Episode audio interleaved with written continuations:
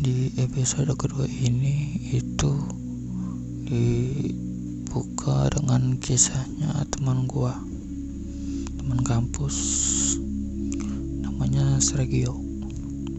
Waktu itu camping di daerah Celotok sama gua juga. Cuma gue emang gak notice sama kejadiannya. Nah dia tuh cerita ini tuh waktu pas pulang pulang dari camping dia baru cerita tuh jadi mari kita dengarkan ceritanya Halo semuanya, uh, kenalan dulu ya. Jadi gue yang ngomong ini namanya Sergio Johan Putra Permata atau biasa teman-teman gue manggilnya Sergio. Gue bukan orang Portugal, gue asli Indonesia. Nah, jadi untuk podcast kali ini gue akan bercerita pengalaman gue waktu gue berlibur bersama tujuh orang teman gue.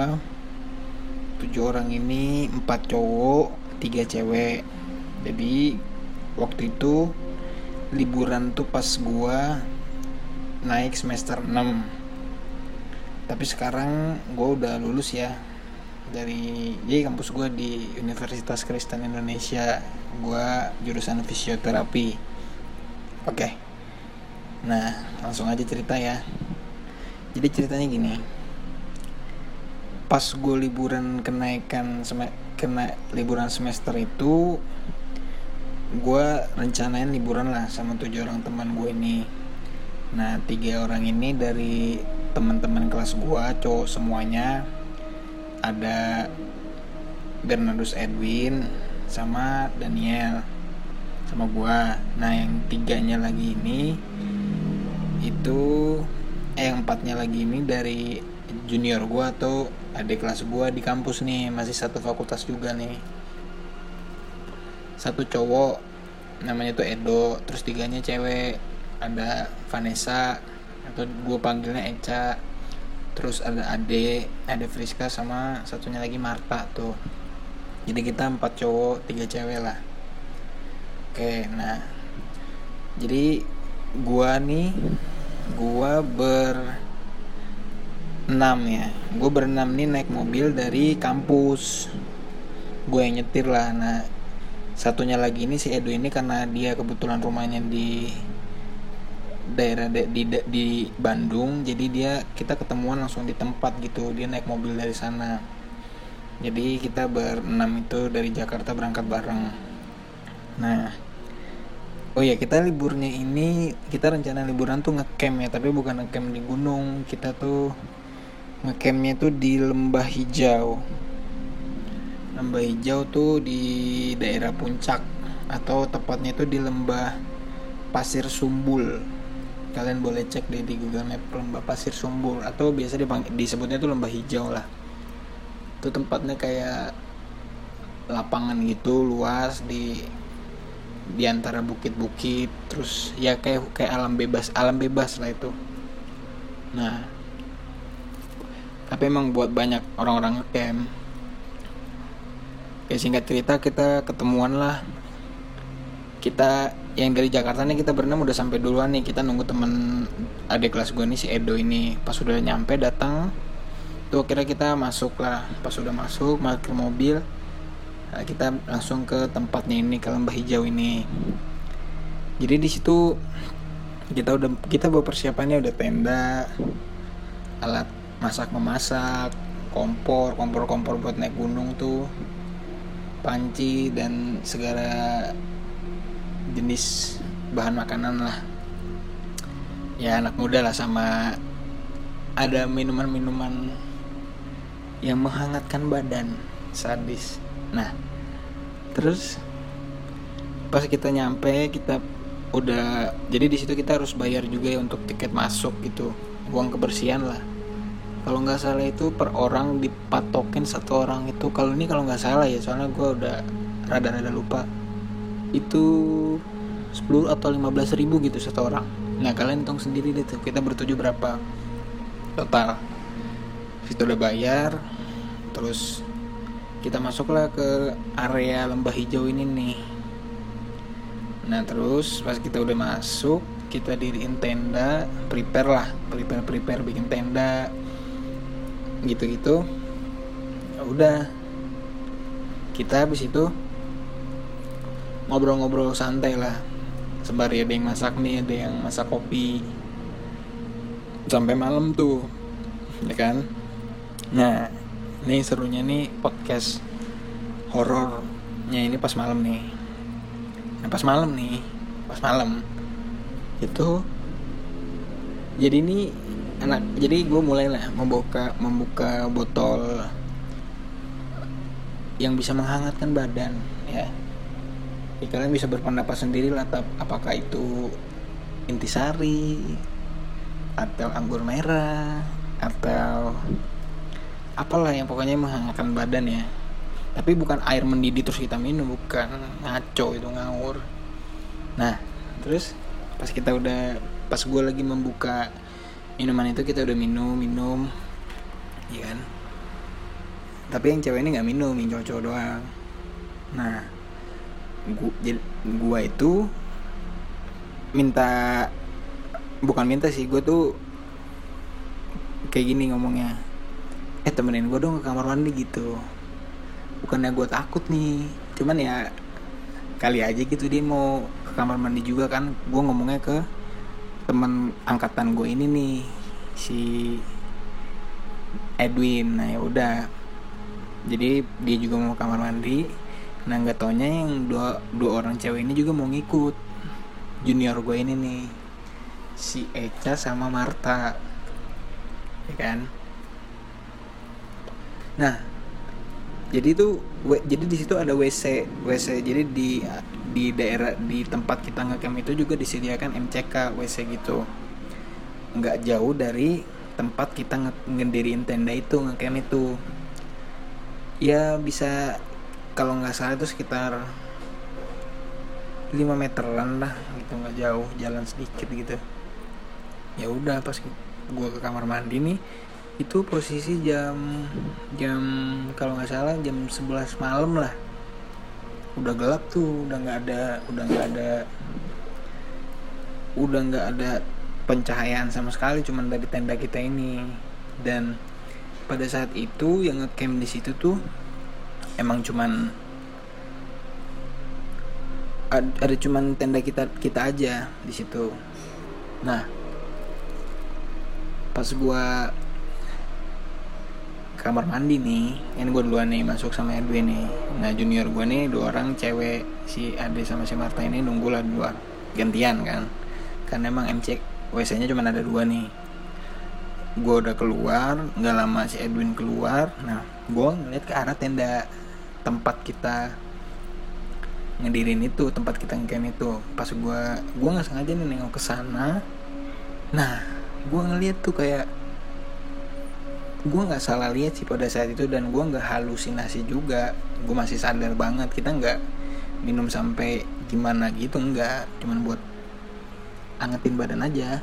Nah terus gue ngeliat ada sesosok bayangan putih ya.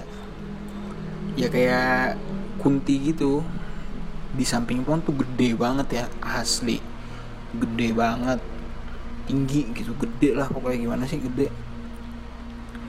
Nah pas gue ngeliat gue langsung ngalihin pandangan gue tuh ke arah kamar mandi lagi. Jadi gue nengok set gue ngeliat gue menengok lagi ke kamar mandi. Gue takut dong spontan. Nah pas gue nengok lagi tuh teman gue si Edwin tuh jadi kita juga nungguin junior kita yang lagi di WC tuh. Si Edwin nak teman gue nanya nih kenapa lu? Gitu kan. Nah gue kan ya gengsi juga sih kayak takut gitu. Cuman ya udah gue bilang aja Ewing lu ngeliat sesuatu nggak sih di arah mana? Di arah situ di arah tempat kita di tenda? Dia bilang ah enggak nggak ada apa-apaan gelap sir. Gitu cuman ada itu doang tuh. Cahaya api itu. Terus ya udah dia nanya lagi emang lihat apaan? Terus gue kan nggak mau bikin suasana jadi takut ya. Gue bilang aja enggak nggak ada apa-apaan kok. Nah ya udah. Tapi di situ jujur gue udah merinding banget tuh. Pas junior gue dua orang ini si Marta sama si Adin udah keluar akhirnya kita bareng-bareng lah nih. Balik lagi ke tenda. Nah pas lagi mau balik ke tenda itu gue kan dalam hati masih takut ya. Nah gue nggak nggak gue nggak lihat gue nggak ngalihin gue nggak gimana ya? Gue nggak ngelihat pas jalan itu ke arah tenda gue pokoknya jalan sambil niat ke bawah aja ke jalan tuh. Gitu gue nggak ngedangak lah ibaratnya ke arah tenda itu. Nah jalan pas gue arahin pandangan gue lagi ke tenda gue ngelihat lagi tapi dia kayak cepet banget gitu langsung set gitu ngilang gitu. Ada terus langsung sep ngilang gimana sih? Kayak terbang terus hilang gitu. Nah di situ karena gue saking nggak saking sih karena gue spontan eh kayak panik gitu gue nyenggol junior gue ini nih si Marta ini. Terus dia bilang kenapa bang? Gue bilang nggak apa-apa nah di situ tuh anak-anak gue si Edwin Ade sama Marta ini kayak udah mereka kayak ngerasa kenapa nih abang gue gitu kayak gitu? Tapi gue nggak ini nggak ngasih tahu ke mereka. Pas kita udah nyampe di tenda mereka nanya-nanya kan kenapa sih kenapa sih? Gitu-gitu kan. Terus ya udah akhirnya gue jujur aja lah. Tadi kalau tadi gue ngeliat kayak ada bayangan putih gitu tuh di belakang tenda di belakang pohon. Jadi di tenda kita itu belakangnya ada, belakangnya ada pohon. Nah di pohon itu gue jujur lah nah pas gue ngomong kayak gitu kita kan lagi masak air tuh. Mereka langsung kayak gimana gitu serius lu serius serius gitu gitu kan. So gue bilang aja iya serius. Tapi gue kayaknya salah lihat deh. Ah serius lu bang? Lu katanya serius tapi salah lihat. Gitu kan. Iya serius deh serius. Ya udah tapi nggak usah takut selalu aja lah. Ini kan alam biar alam bebas juga. Yang penting kan kita nggak nggak ganggu atau nggak macem-macem di sini. Gue gituin aja jadi biar mereka mereka nggak takut juga. Padahal emang gue takut juga itu. Emang ngehe tuh di situ. Nah terus ya udahlah. Kita di situ langsung kayak diem gitu. Nah daripada suasana jadi kecam gitu jadi jadi mengecam ya. Mengecam atau apalah gitu maksudnya jadi horor gitu suasana. Akhirnya gue mulai bahas obrolan-obrolan lain lah itu. Kita ngobrol di kampus kayak gimana terus ya kayak gitu gitulah obrolan lain lah. Gue buka topik baru lah. Nah akhirnya kita ngebahas hal lain lah di situ kan sembari cerita-cerita satu sama lain gitu-gitu. Nah terus kita cerita sampai jam itu kalau nggak salah sampai jam 2 atau jam 1 gitu udah gitu kan anak-anak udah pada ngantuk nih gue juga udah mulai ngantuk. Karena kita masuk tenda lah tidur iya kan? Nah besok kayak pas bangun itu kita bangun sekitar jam 9 atau jam jam 9 jam 9 jam 9 pagi. Bukan jam 9 malam ya jam 9 malam kayak orang mati tidurnya. Nah jam 9 pagi kita bangun ya biasa anak-anak foto-foto lah di situ kan karena kan kita hari pada hari itu aja mau pulang juga. Kita pulangnya tuh si jam jam 2an lah sore lah. Jam 2 jam 3 gitu. Pagi ini kita bangun foto-foto gitu terus kita kayak explore keadaan setempat. Ya kan? Nah gua sama gua sama dua orang temen angkatan gua nih si Edwin sama si Daniel ini nih pergi ke arah belakang tenda tuh. Jadi di belakang tenda itu kayak ada bukit gitu tapi kita nggak ke belakang bukitnya kita lewat samping tuh kan. Nggak terlalu jauh. Ya sekitar 10 meter atau lebih lah 15an gitu. Kita ke sana ya biasa gabut kan jalan-jalan gitu. Jalan. Nah kita ngeliat tuh kayak jadi pas di belakang itu kayak uh, tanahnya tuh kayak makin naik gitu kan. Nah pas kita ke belakang itu jadi kayak ada uh, batu tapi dia bertingkat gitu. Jadi mulai naik tapi bukan tanah yang nanjak kayak ada batu kayak udah disiapin gitu. Nah di atasnya itu kayak ada goa. Goa men. Asli goa itu. Nah gue naik lah tak tapi gue nggak sampai masuk ke goa ya pokoknya gue naik naik. Pas gue udah mulai di tengah-tengah nih di depan nih udah mulai goa nih udah kelihatan jelas goa itu ada sesajen bray. Asli sesajen ya namanya. Daun-daunan terus kayak ada yang kayak apa ya dupa ya. Kalau nggak salah dupa itu ya buat gitulah ada asapnya. Nah gue sama dua orang teman gue ini kayak tertegun ceh tertegun. Jadi kita kayak bengong gitu wah ada apa ini? Gitu kan. Terus kita lihat-lihatan lah apa nih apa nih? Gitu. Terus gue mau deketin tapi teman gue bilang eh ngapain lu sar? Gitu kan. Iya ya gue ngapain ya? Gue refleks aja gitu kepo kan apaan sih ini?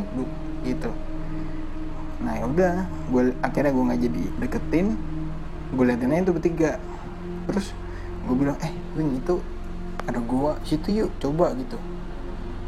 Terus teman gue ini bilang ngapain sih? Udah nggak usah. Gila lu gitu kan. Ya biasa namanya jiwa muda kan penasarannya tingkat dewa. Dewa Tuhan kali. Ini tingkat dewa kan ya udah. Jadi kita di situ penuh dengan tanda tanya kenapa ada ada ini? gitu. Ngapain? gitu. Padahal kan jujur pas kita baru pertama sampai tuh emang kita sama kita bertujuh tuh nggak ngerasa gimana gimana sih sama tempat kita itu? Biasa aja hawanya. Gitu. atmosfernya biasa aja. Tapi ada itu ternyata iya kan? Nah gue langsung kayak flashback semalam jangan-jangan ini gitu kan? Begitu deh. Nah tapi bisa jadi dong ya enggak karena kan itu kan kalau nggak salah ya buat manggil-manggil gitu ya. Nah ya udah. Gue kan juga kan baca juga ada buku kisah tanah Jawa tuh. Nah gue kayak eh gue percaya hal kayak gitu cuman kan kita positif thinking aja emang kita di situ kan sopan. Ya udah. Kita setelah itu rasa penasaran kita itu kita pendem aja di situ akhirnya kita balik lagi tuh ke arah tenda. Nah kita kasih tahu nih sama empat orang junior kita nih yang ada di tenda. Kita gue ceritain lah eh di situ tuh ada buat sesajen gitu gitu-gitu nah kebetulan temen gue si Edo ini junior gue ini memang dia kan uh, suka ngedaki gitu nah memang dia juga tahu sebelumnya dia udah pernah ke tempat yang kita ngecamp ini dan dia ngerekomendasiin buat kita ngecamp di situ karena seru tempatnya. Nah, dia bilang memang di sini juga katanya itu ada tempat ada satu tempat di dekat sini nih yang buat uh, ya kayak gitu berhala gitu. Oh ternyata ya emang emang bener gitu kan.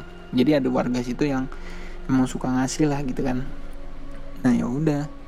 Terus kita gua sama Edwin itu uh, sama Edo itu juga ke warung tuh. Jadi di dekat situ ada warung tempat kita buat bayar masuk ke situ warga-warga situ yang ngelola tempat itu kita ke situ ke warung kalau nggak salah itu buat beli rokok atau beli apa lah gitu atau beli pop mie.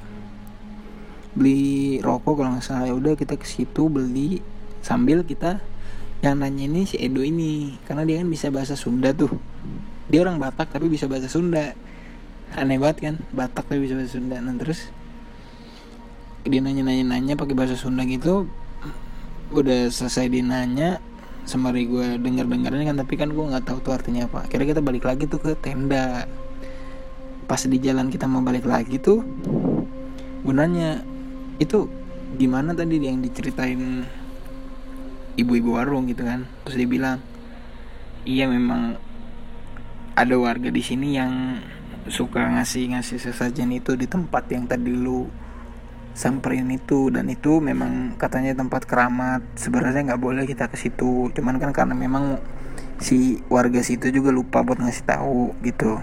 Jadi kita emang kalau udah di area camp ya di situ aja. Jangan ke mana-mana gitu. Karena memang juga nih satu lagi nih faktanya nih. Area tempat kita ngecamp itu kadang kalau lagi musimnya tuh suka turun macan kumbang dari gunung salak. Gitu. Nah tapi slow lah itu kan. Nah ya udah. Akhirnya oh gitu ternyata. Nah ya udah jadi pas kita hari H mau pulang itu juga ada juga tuh orang dua tenda gitu keluarga kayaknya tuh yang baru mau ngecamp pada saat kita mau pulang gitu. Udah. Akhirnya jadi kita tahu lah apa ternyata tuh di situ yang buat sesajen itu ada juga gitu. Gitu ya poin utamanya berarti kalau menurut gue intinya kalau ke mana pun kita pergi atau datang ke suatu tempat baru apalagi itu alam gitu ya jaga sikap aja gitu jaga attitude. Kita kan istilahnya datang ke rumah orang silaturahmi lah baik-baik aja. Gitu. Jadi biar kita juga nggak kenapa-napa. Ya udahlah jadi selama dua hari satu malam kita ngecamp di situ. Seru sih kita di situ. Cuman ada ya kayak menurut gue sih kayak tempat kayak itu tempat ngasih ngasih tahu ini tempat tempatnya kayak gini loh dari hal yang semalam itu gue lihat gitu. Tapi gue nggak jadi trauma atau gimana ya. Gue paham aja karena kan manusia kan itu hidup berdampingan selalu aja gitu. Dan untuk kalian semua kalau mau coba tempatnya itu coba deh ngecamp di situ. Tempatnya sih seru cuman buat ngecamp doang. Seru gitu. A apa dingin. Untuk chill-chillan bareng teman-teman sahabat-sahabat kalian sih asik di situ. Ya udah kita prepare jam-jam 11 kita prepare dan gak panas di situ. Siangnya aja tuh teduh di situ karena kan kita di antara hutan-hutan tuh di antara banyak pohon. Ya udah kita prepare hmm, rapi-rapin tenda tas semuanya gitu.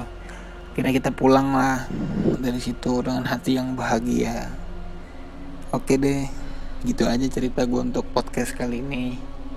Dan ingat tadi poinnya udah gue sebutin satu lagi tambahannya manusia itu tidak hidup sendiri kita itu hidup berdampingan. Jadi jangan sekali-sekali cah sosok sosok seram ya. Jadi jangan sekali-sekali kita tengil-tengilan lah itu aja oke? Okay? terima kasih gua Sergio Johan. Pamit undur diri. Thank you yang udah dengerin semua. Semoga cerita ini bisa mengingatkan kita kembali untuk selalu berhati-hati di segala ruang tempat yang kita datangi dan juga untuk selalu menjaga alam di sekitar kita. Thank you.